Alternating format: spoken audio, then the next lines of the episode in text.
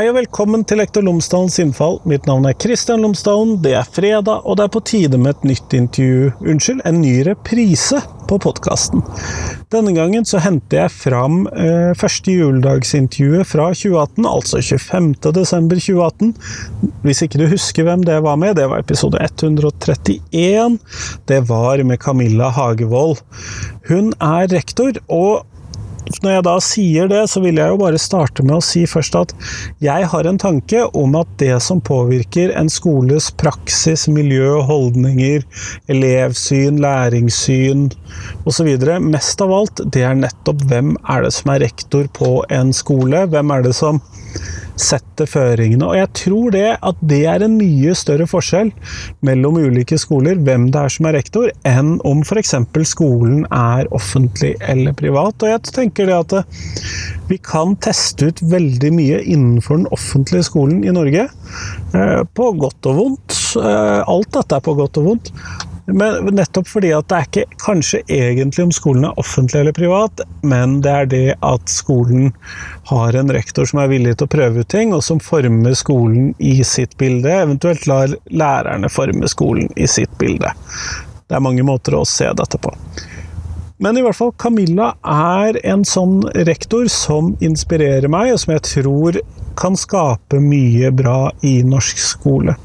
Og vi har fulgt hverandre over flere år nå digitalt. Vi har bare møttes noen få ganger. Men det var veldig gøy å gjøre dette intervjuet med henne i 2018, og jeg tenker at det er verdt å høre om igjen.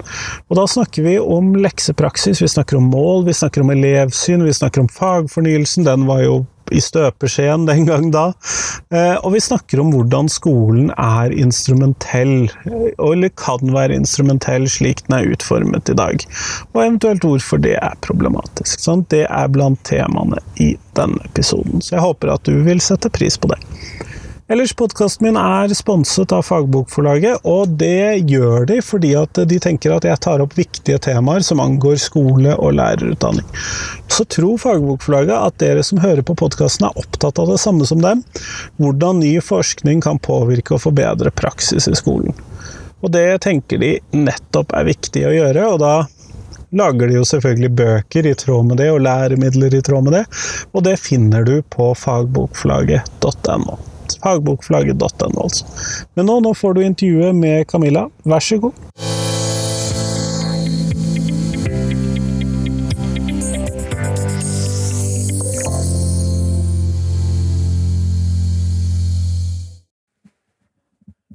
Camilla Hagvold, tusen takk for at du har tatt deg tid til meg nå i løpet av settdagene. Takk for at jeg fikk lov til å snakke med deg.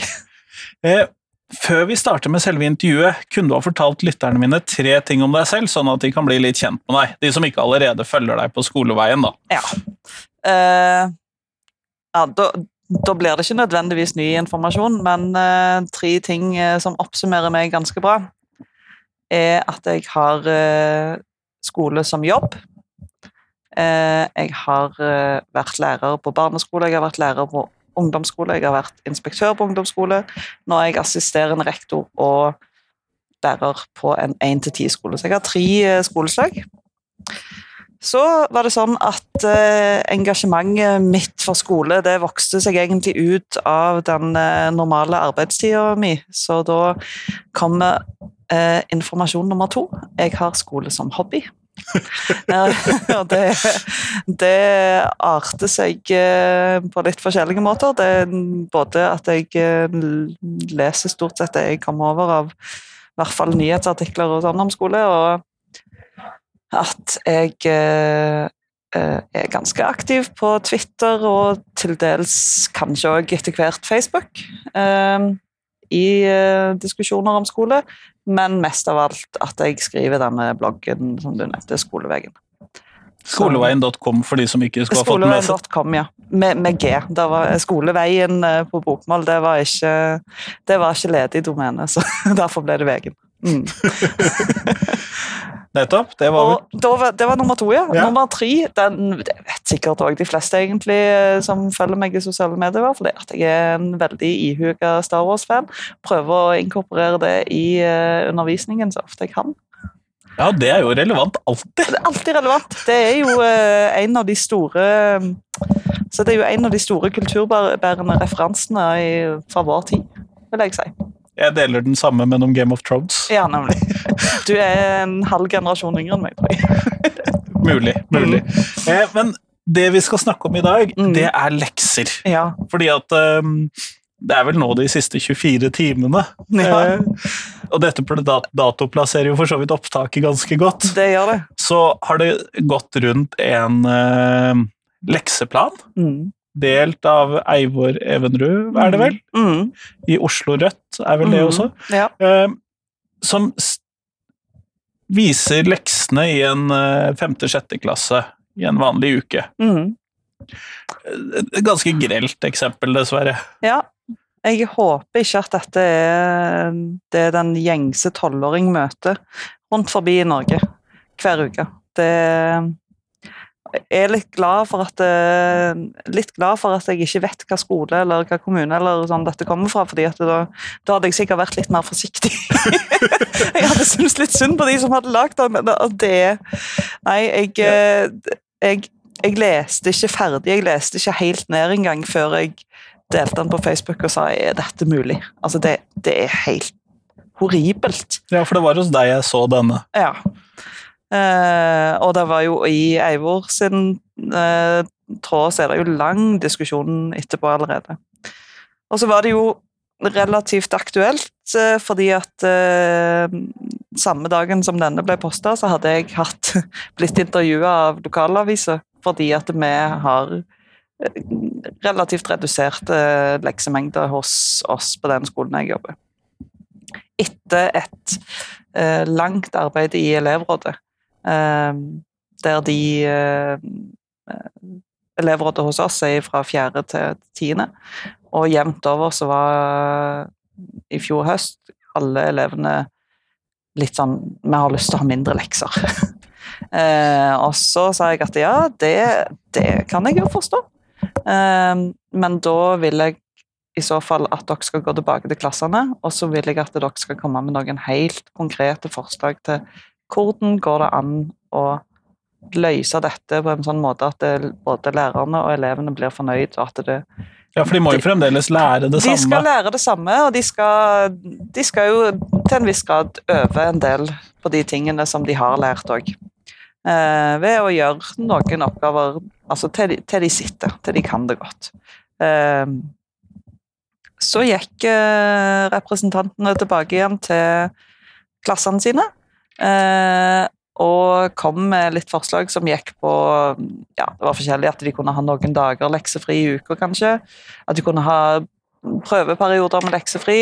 Eh, at de kunne ha eh, en eller annen sånn form for arbeidsplan der de jobba mer på skolen. Eller at de kunne bli, ha sjanse til å bli ferdig med leksene på skolen.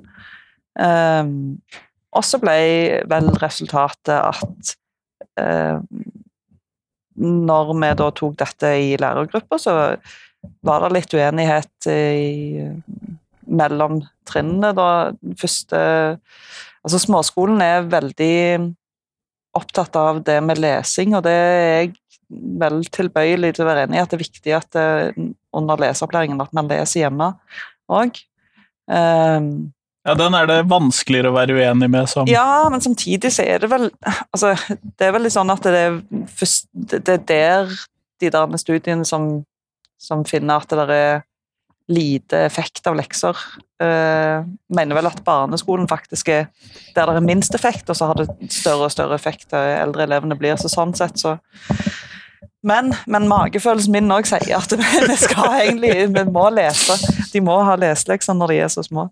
Um, eh, så der tror jeg eh, Men der det var Småskolen hadde ikke store mengder lekser i utgangspunktet. De hadde Så det var ikke et så stort problem? Nei, pluss at det, elevene på småskolen har jo heller ikke vært med i uh, elevrådet, så de, vi har ikke egentlig hørt noe fra de hva de tenkte om dette. Ei heller foreldrene, for den saks skyld. Men, uh, men vi tok uh, i hvert fall en eh, vurdering i, på mellomtrinn og ungdomstrinnet, og gikk for en løsning som var ganske nær den eh, at man hadde heller et slags arbeidsprogram der elevene gjorde ferdig kunne, eller hadde mulighet til å gjøre ting Hvis ferdig. de var effektive, Hvis så de var effektive, så slapp de liksom. Ja. Men så er det noen, eh, noen oppgaver noen ganger som, eh, som eh, man tenker at de skal gjøre hjemme, og så legger man opp til det, men det er ganske eh, betydelig mindre mengde enn eh, enn i hvert fall de verste skolene, tenker jeg. men, eh, men jeg tror at vi var, vi var egentlig ganske moderate i utgangspunktet på å gi lekser. Så dere har gått fra kanskje middels eller Ja. litt under middels til, til en lav mengde lekser. Ja. Og elevene melder tilbake at de er fornøyd òg, så det er jo eh, Da tenker jeg at da har vi jo gjort, gjort det vi skal. Gjort Det blir jo kanskje litt mer motiverende når man uh... Det er jo det de sier. Altså, det eh, Og vi har uh, Det er faktisk den tydeligste tilbakemeldingen fra elevene at det er mye mer motiverende å gjøre ting på skolen når du vet at du slipper å gjøre det hjemme. Og Grunnen til at de har lyst til å ha mindre hjemmearbeid, er jo det at de har ei gjennomorganisert fritid der Fotball to dager og håndball to dager ja, og og det er ikke måte på liksom, hvor aktive de er på den fritida, og da, da skjønner jeg at det er lite tid. Og det, for oss som bor på en så Eller min skole er jo på et lite sted der det er hvis du ikke går på en fritidsaktivitet, så ser du ikke vennene dine, for det er en halv mil til nærmeste nabo. liksom. Og da Du bor godt ut på bondelandet. ja, Sånn da, ja, altså jeg, jeg bor ikke der, men skolen min ligger der, og der er der eh, Da er der eh, Da tenker jeg at det er godt å gi dem den, den tida på ettermiddagen til å pleie vennskap. Mm, Og jeg, jeg må innrømme at jeg er ganske ny i dette med lekser. mm, Eh, Jeg som lærer har sjelden gitt lekser, mer sånn de der restleksene når du ikke har jobbet godt nok. Ja. Og så har jeg som forelder så har jeg ikke hatt barna mine i en skole med lekser før nå. ja. Så barna mine har startet fjerde klasse og for å få, eh, fjerde og femte og fått lekser da. Mm, Så jeg syns jo det verste med lekser er å huske dem som forelder, Ja. at du må sjekke dem. Eh, Sliter jeg med, da. ja, men det syns jo jeg egentlig var noe av det verste som lærer òg, når jeg eh, før drev og ga lekser. Ja, for de skal jo Eh, sjekkes. Ja, og det, er- det er jo ingen poeng i å gi lekser bare for å gi dem. Og jeg tenker stakkars de lærerne med den eh, ukeplanen som Ja, så på her. Det må jo være altså der, Hvor mye tid kan det være igjen av eh, timene på skolen hvis det er at du skal jobbe med de eh, Og for de som ikke da tilfeldigvis skulle se det bildet som ligger i shownotesen på lektorlomsdalen.no her, for der ligger dette bildet, det kommer til å ligge der, eh, så kan jeg da formidle at mm, Og vi tar bare norskfaget, for jeg orker ikke å lese hele denne A4-siden. Norsk. Les minst 20 minutter hver dag. Husk å variere hva du leser. Registrer antall minutter og hva du har lest i loggen. Lesebestilling. Finn fem substantiv, fem adjektiv og fem verb fra det du har lest denne uken. Skriv ordene i leseloggen. Torsdag egenvurdering av ukas mål. Husk underskrift fra voksen hjemme. Les inn lydfil av teksten som du finner i Showbiz, levere i Showbiz. Velg en av overskriftene og skriv minst 200 ord der du ytrer din mening om emnet. 1. Ta bilde av, noen uten å spørre om lov. 2. Å utstenge andre på sosiale medier og eller chattegrupper og spill. 3. Bryte aldersgrense på sosiale medier. 4. Si stygge ting om andre på nett, sosiale medier, chatgrupper eller på mobiltelefon. Hvis du vil skrive om flere av overskriftene, kan du det. Les opp for en voksen og snakk sammen om nettvett etterpå. Skriv videre på utdraget 'Ingen sover trygt i natt' fra Bokslukerprisen. Det var norskfaget. Ja.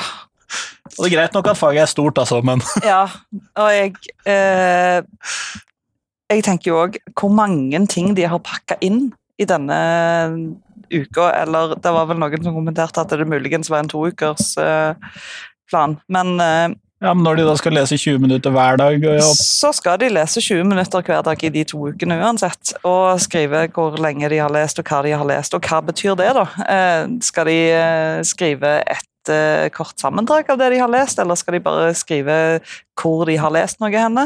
Uh, men ja, for det kan jo være forskjellig praksis forskjellige steder. og det kan være forskjellig praksis i forskjellige hjem uh, hos forskjellige elever.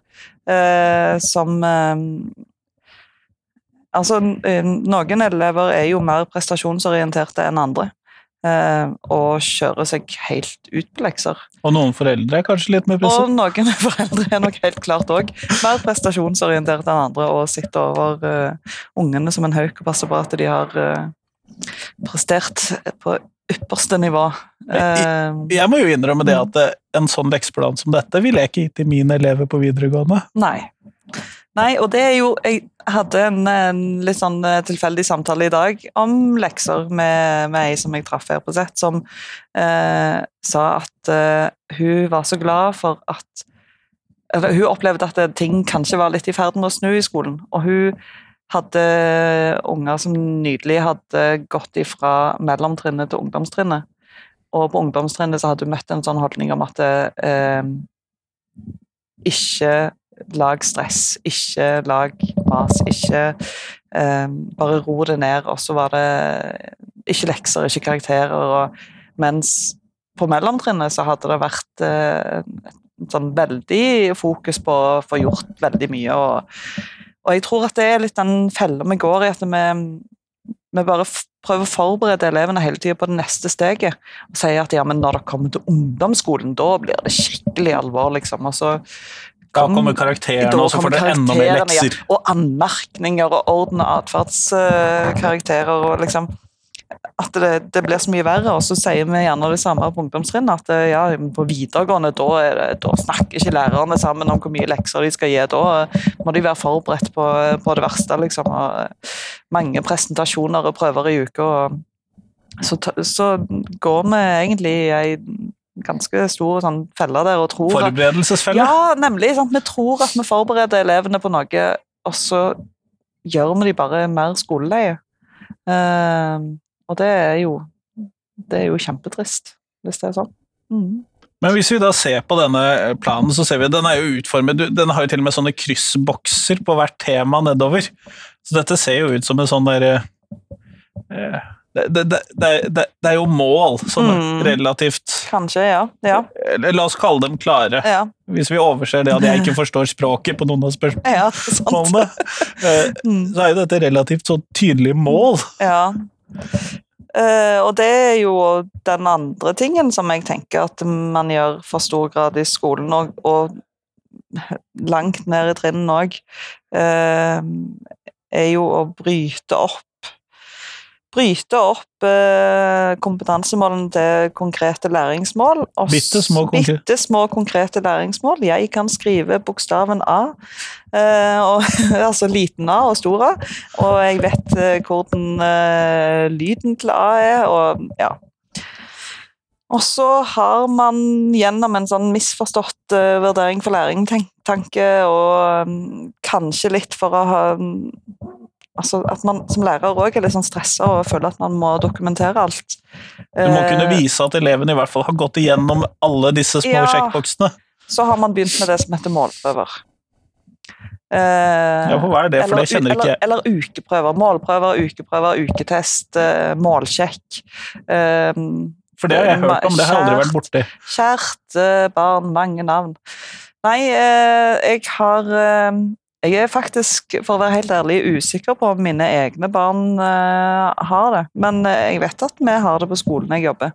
Uh, og elev, nei, lærerne melder egentlig tilbake at ja, men, men ungene liker det. De syns det er kjekt uh, å få den her lille kjekken. Og det er jo Oppgavene er jo like konkrete som målene. Og det er litt sånn at ja, men hvis du har jobbet med dette hele uka, så skal du vise at du kan det. Og...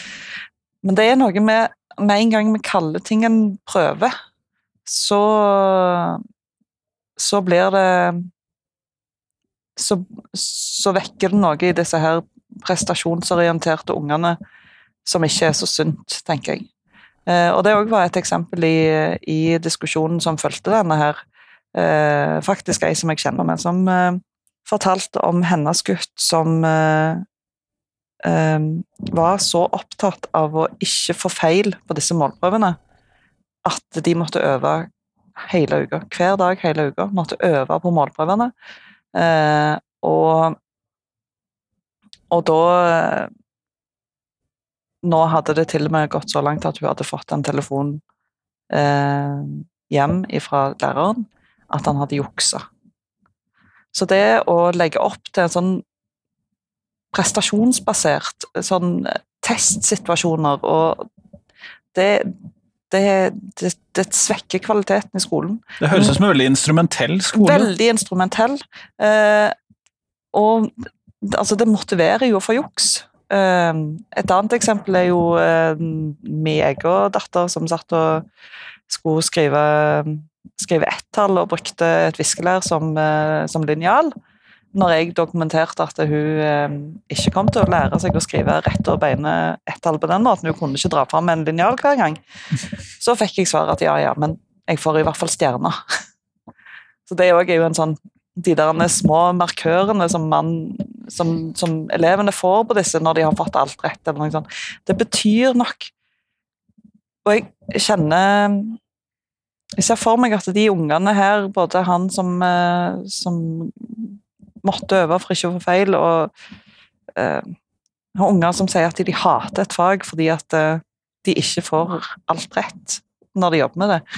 Eh, vi har nok en tendens til å ja, det var, var vel ei som sa at uh, i barnehagen så er de opptatt av å vise og uh, fortelle hva ungene kan, mens i skolen så er vi opptatt av å fortelle dem hva de ikke kan.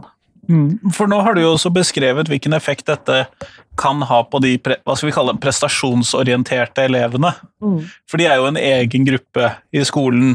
Ja, eh, de, er jo mange forskjellige individer Mm. osv., men overordnet sett én gruppe i skolen. Mm. Eh, Og så har du jo de elevene som da eh, kanskje aldri klarer å fikse disse prøvene, da. Mm. Når de da får én prøve i uka Mm. som de aldri får til. Mm. Ja, og de eh, prøver Altså, de får jo en ukentlig bekreftelse på at de ikke duger, eh, og det tenker jeg jo heller ikke skolen skal drive med. Eh, så jeg,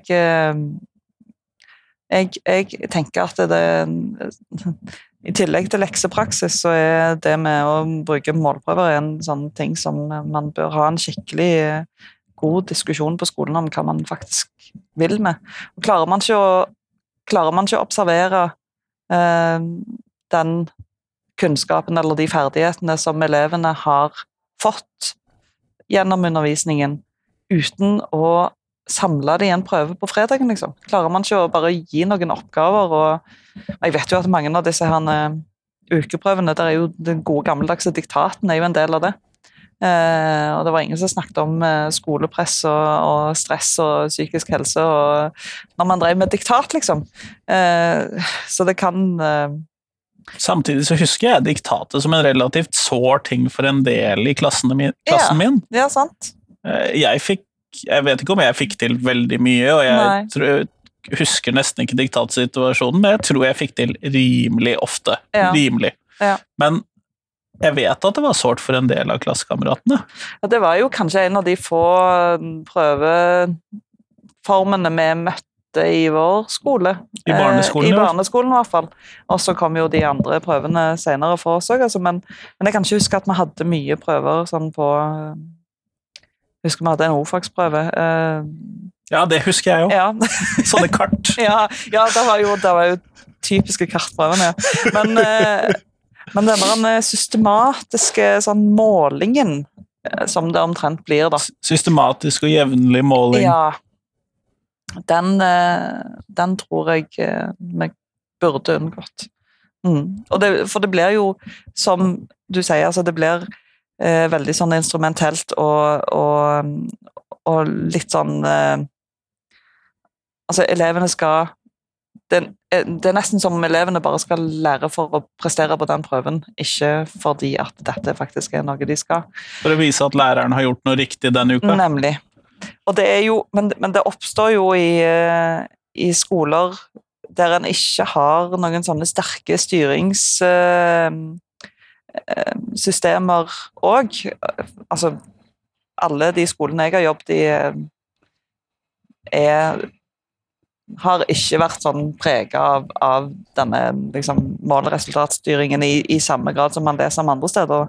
Um, men allikevel så har dette heller som en del av den vurdering for læringssatsingen, egentlig. Og den har jo jeg vært med på fra starten og syns at det er et av de viktigste utviklingsarbeidene vi har gjort i norsk skole. Men samtidig så har man trødd veldig feil noen steder. Fordi det kan være bra men Altså, ja, altså, jeg mener jo fortsatt at eh, lærerne skal innhente informasjon om ungene sin, sin eh, læring. Eh, og så skal de bruke det til å utvikle sin egen undervisning. Det er liksom det viktigste med vurdering for læring. er jo at ok, nå, nå ser jeg at de har forstått det og det og det, og det, og så må jeg tilpasse undervisningen min neste uke sånn at jeg får med den og den og den og den òg. Eh, eh, sånn at vi kan gå videre dit og dit og Ja. dit. Og, ja. Ja, men, men Per, eh, Pål og Ali trenger liksom ikke å få vite at eh, de de ikke fikk det til. Altså Få den stadige bekreftelsen på at du er ikke god nok, du kan det ikke, du fikk det ikke til. Du feiler. Du fikk én feil, du fikk fem feil. Eh, fordi eh, Ja. Så samtidig så skal man jo òg, eh, sånn som jeg må med hun prestasjonsorienterte dattera mi, jobbe med at eh, feil er veldig bra. Eh, Da kan du lære noe. da kan du lære noe, og lære er bra, og lære er gøy. Og uten at dere, elevene mine, hadde Altså hvis dere ikke hadde gjort feil, så hadde jo jeg mista jobben. Hva, hva skulle jeg gjort da, stakkars en lærer som har elever som kan alt, liksom? Det går jo ikke an. Eh, sånn at eh, Ja, sant, der blir det sånn, men, men jeg og, og jeg er aldri eh, jeg er aldri for å komme og bare sparke ned alt som er, og si at uh, her må vi eh, Du er ikke så radikal. Nei, altså, jeg, jeg, jeg har jo lyst, men jeg tror ikke Jeg tror jo ikke på management by karate, som jeg har lært at det heter. Um, men jeg tror at vi må ha gode diskusjoner og go- gode Dele gode eksempler på andre måter å gjøre det og ja. Og det gjelder med lekser, det gjelder med målprøver, det gjelder med karakterer, det gjelder med alt vi driver med som vi bør og ikke bør drive med i skolen. At det, det, det viktigste er at vi, vi snakker om det, snakker med elevene om det, ikke minst. Og finner, finner gode løsninger som, som på en måte alle kan leve med. Da. Ja, for på en måte så skal vi jo Vi skal vite hvordan de gjør det, og noe av det må vi jo dokumentere også. Mm. Eh, og så må vi vite at Og så må vi ha tilrettelagt undervisning, selvfølgelig. Og så skal vi følge et eller annet system for å lære dem noe. Mm. Eh, men samtidig, det, det virker jo på denne planen, og man har jo sett andre eksempler tidligere, på at uh, dette kanskje tar litt overhånd. Mm. Ja, det Jeg tror at det er veldig i det som har skjedd, men, men samtidig så er jeg jo litt enig med hun som jeg snakket med i dag, at det, jeg, jeg føler òg at ting kanskje er litt i ferd med å snu. Um, den, den berømte pendelen uh, i ferd med å svinge tilbake igjen. ja. uh, og noen av de tingene som man ser i fagfornyelsen, er jo litt sånn eksempel på det med de uh, fagovergripende temaene som åpner kanskje mer opp for, for tverrfaglighet og for uh, å kunne tenke litt mer prosjektbasert og temabasert læring. Um, som jo var det store på 90-tallet. Eh, men uh, Men det, store, men det store på 90-tallet var jo at da var det sånn du skal ha prosjekt her. Ja, ja. Det, det er sant. Altså, der, var det jo, der var det jo prosjekt i karate. så uh, så det Jeg tror nok at den, den, der, den såkalte metodefriheten har kommet litt for å bli. Men det òg er jo en sånn metodefrihet metode, Metodefrihet. eh, eh, Det er ikke så lett å man har jo ikke egentlig frihet så lenge det skal være en sånn kvalitetsstyring med at alt skal gjøres eh, etter det som virker. Eh, og da Så ja, kanskje det òg har litt dårlige kår framover. Men, eh, men jeg tror Bare husker når meg og en Twitter-kollega, Bjørn Helge, skrev om karakterfri undervisning i 2015, tror jeg det var. Da var det liksom helt utenkelig at uh, skoler skulle drive med det. Og nå er det Nå, nå gjør jo alle det. Ja, nå nesten. dukker det opp stadig Ja. avisoppslag om Ja, det. det gjør så. Uh, I Oslo driver de med det rundt forbi, og i Bergen og Ja. Altså, det, det har blitt en sånn idé som bare brer om seg. Uh, Og det handler jo nettopp om å redusere det mestrings... ja, ja. Det der med prestasjonspresset. Ja. Mhm. Det, det handler det helt klart om. Og, og eh, det med den instrumentelle læringen, egentlig. Eh, fordi at vi vil at elevene skal lære for livet, ikke for prøven. Ja, og, og jeg tenker jo at det må jo være usannsynlig eh, umotiverende, demotiverende er det Mm. ordet jeg er på jakt etter, Mm. eh, og skulle ta oss og lære noe bare for en prøve. Ja. Jeg tenker jo at eh, Nei, det går greit om jeg glemmer det på tirsdag. Ja, jeg kan ikke tenke meg noe verre enn det. Nei, nei. Nei, og da tenker jeg at da er den kunnskapen egentlig ganske irrelevant uansett. Ehm, så det, det handler litt om å heller prøve å sette ting i et eh, større perspektiv og gi, eh, gi det relevans ehm, gjennom å skape ekte, genuine situasjoner eh, for læring, eller ja, eller ta elevene sin livsverden på alvor og, og ta utgangspunkt i, i hva de eh, er opptatt av. Og så vri det til de tingene som står i læreplanen at de skal lære. Mm. Der må jeg innrømme at jeg har litt forhåpninger til de nye læreplanene. Mm. Jeg har jo sett at en del har vært litt sånn misfornøyd med det mangler det, og det mangler det, og det mangler det, og det mangler det, og det mangler det. Mm. Jeg leser alt det inn i den teksten som står Mm. der. Ja. Så jeg må innrømme at jeg ser problemer med hvor jeg skal endre det jeg gjør i dag. Ja, Og det må jeg sikkert lære. ja, sant. Men det også da gjøre dette relevant for elevene, kan jeg tenke meg, når man da får færre sånne Færre, men større mål, Mm. Ja. er min umiddelbare tanke, da. Ja, og jeg, jeg Jeg er for så vidt eh, Som jeg jo sier, at jeg tenker at denne pendelen er litt i ferd med å svinge. og Um, Ja, det er vel et typisk tegn på det. Ja, sant. Og der er, der er mange, men det er mange, og er mange fine ting i den uh, fagfornyelsen og den overordna delen, men jeg er litt redd for at så lenge vi beholder kvalitetsvurderingssystemet generelt, og eksamen spesielt, så er det egentlig ganske fornyttes. For Ja, for det skal vi ikke gjøre noe med. Nei, og det er jo noe med at egentlig, hvis man setter det veldig på spissen, så er jo hele skolen instrumentell for eksamen. Eh, fordi at det er liksom det Ja, for- eneste som teller, Ja, vi legger jo opp eh, veldig mye av fagene etter hva vi tror kommer på eksamen. nemlig. Og det er en eh, Det er ingenting som styrer skolen like hardt som eksamen gjør, tenker jeg. Den er jo Eh. iboende konservativ i tillegg, for det er jo hva fikk vi på eksamen i fjor? Ja, ja, ja. ja. Eh, så det er jo en sånn eh, Ja, altså For noen år siden nå så var det om eh, samisk eh, språk og kultur på norskeksamen. Og da kunne man gjerne først ha letta ut eh, de to neste årene, fordi at det var i fjor. og Da trenger vi ikke undervise så mye i det i de neste to årene.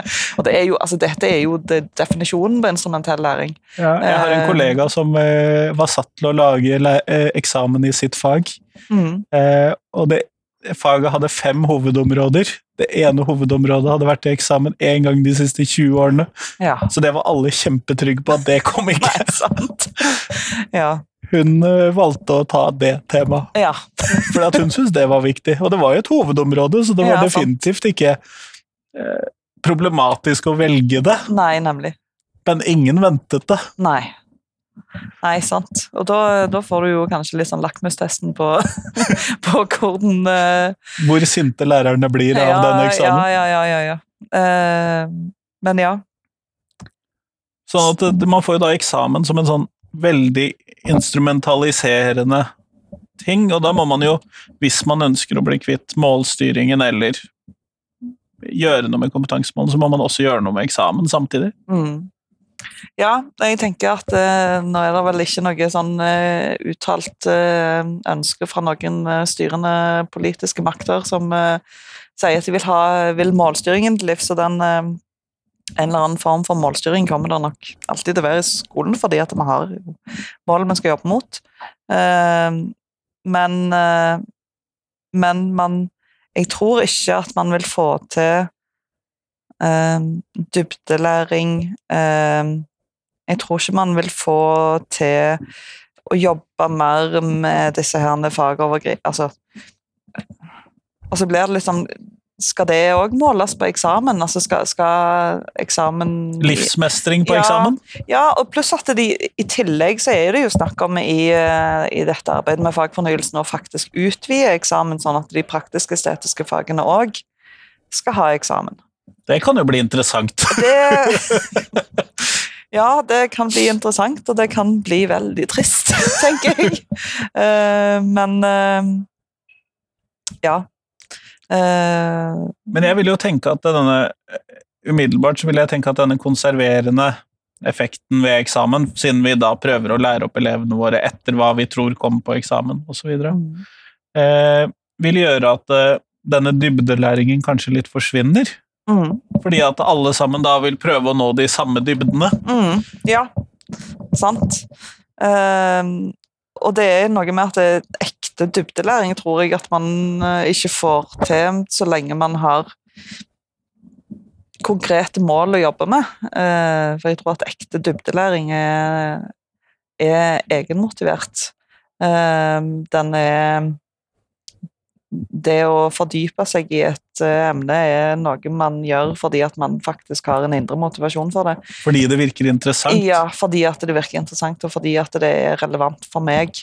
Eh, Og da blir det kanskje mest din jobb å gjøre det relevant. Ja da, og det, det er klart at den, den jobben må vi jo gjøre uansett eh, hvordan målene blir og hvor mange de blir. Og, men nei, det, det er spennende tid å være skolemenneske i. Jeg føler vi står i en sånn brytningsfase, og det der er mye, der er mye så, altså Leksedebatten har jo den, den kommer jo opp hele sånn med jevne mellomrom, og med kortere og kortere intervaller òg, opplever jeg.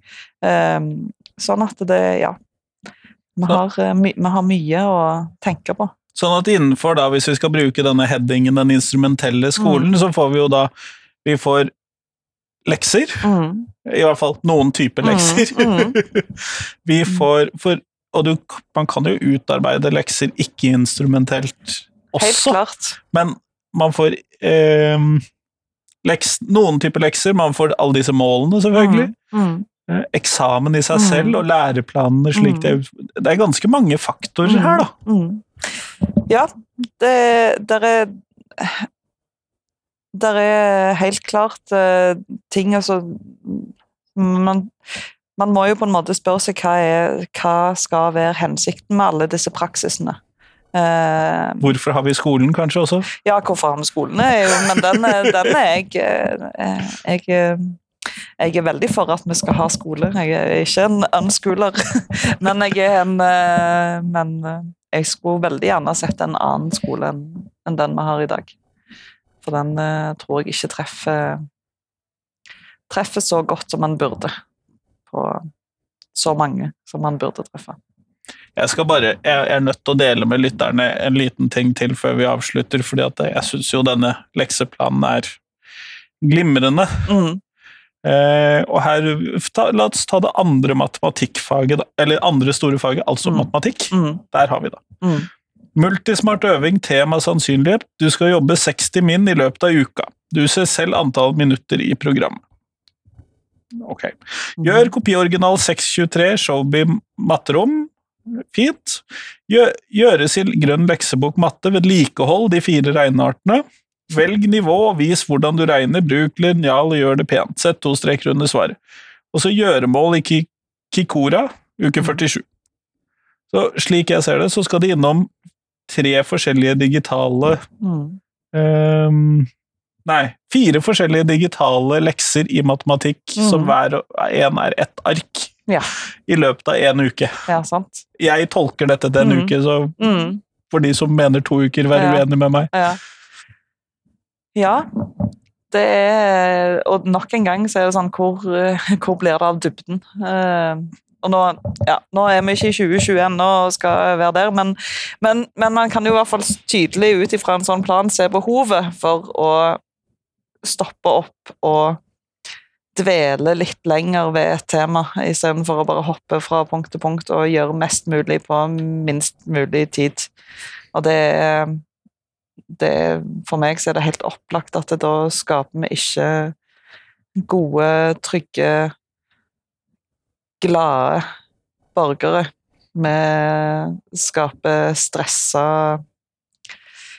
Stressa elever som prøver å spise en hval eh, med hodet først. Jeg regner med at det er skolen Ja. eller pensum som er denne hvalen ja, du er tenker det på. som er- det er- og det hjelper ikke egentlig at vi stykker den opp og at det sier at det tar en bit om gangen, og så tar vi en prøve til slutten av uka. Så, men det Nei, for vi skal Nei, jo få denne hvalen i oss på veldig begrenset tid. Da. Ja, det er det vi skal. Det er det vi skal. Mm. Det spiller ikke noen rolle. Nei. Ellers så Jeg syns jo det er litt gøy, da. Mm. Mat og helse, lag enten Og dette er sjette klasse. Er Ja. mat og helse. Ja. ja da. Eh, Lag enten grønnsakssuppe, tomatsuppe eller spagetti bolognese til familien din. Oppskriften finner du her, bla, bla, Mm. bla. Foreldra dine har også Mm. tilgang til den. Ja. Fint. Jeg tenker, Den leksa der, den hadde jo altså, Det hadde jo vært ei fantastisk lekse, men kunne de ikke heller bare skrevet 'lag middag til familien én dag denne uka'? Skriv ned oppskriften og fortell Ja. oss hva du gjorde. Ja, sant. Det hadde vært så mye kjekkere enn å gå inn og Ja. Nå tror jeg ikke at noen av disse rettene var spesielt dyre, eller noe sånt, men eh, på en eller annen måte så syns jeg dette også utfordrer gratisprinsippet. da. Det gjør det til en viss grad òg, men det kunne nok kanskje den lag middag til familien din eh, ja. Ja. ja. Det fins jo måter å løse det på som ikke gjør Det Det er veldig mange ting vi gjør i skolen som utfordrer gratisprinsippet. Det gjør det, og det var ikke det som var temaet i dag. nei. Det var bare min umiddelbare tanke. Mm. Men jeg liker jo når barna mine lager mat til meg, sånn at eh, jeg ville jo blitt happy. Jeg hadde Ja. jo ikke krangla for mye på det. Nei, sant. Uh, Nei, eh, jeg syns jo dette er fantastisk. Men nå før vi avslutter, du skal selvfølgelig få lov til å svare på et, f- mitt faste spørsmål. Ja. Uh, og hvis du skulle lage et fag, og hvis du skulle fylle det med et innhold i skolen, det Mm. nye Camilla-faget, Mm. fortrinnsvis med et bedre navn Mm. eh, Du kunne stjele uhemmet fra andre fag, eller du kunne legge inn nye ting som du tok inn fra omverdenen. Hva skulle det være? Åh, ja Jeg tror nok at jeg ville gått for et eller annet sånn uh, livsmestringsgreie. et fag som kunne favne alle de tingene som ungdommene egentlig ønsker å lære. Eh, hvordan betaler regninger, og hvordan den bestiller time hos frisøren. Eh, telefontrening. ja. Jeg tror Det er eh, mye praktisk hverdagslig ja, der. Ja, jeg tror jeg ville gått for det. Eh, En sånn, eh, for det er jo en sånn ting at ungdom nå er stressa for å bli voksne fordi at de ikke vet hva det innebærer. Og en liten sånn bare demp skuldrene og slapp av, dette går bra. Ja. Der det selvfølgelig ikke skulle være en eneste form for måling eller karakter eller noe som kunne ødelegge det fantastiske fellesskapet man hadde hatt i den klassen. Et lite folkehøyskolefag inni ja, det hele? Nemlig, nemlig det er akkurat det vi skulle ha. Lite folkehøyskolefag der. Ja. Kjempeflott. Nei, Ja. men Tusen takk for at jeg fikk prate med deg i dag. Så kjekt at jeg fikk uh, snakke med deg òg. Mm.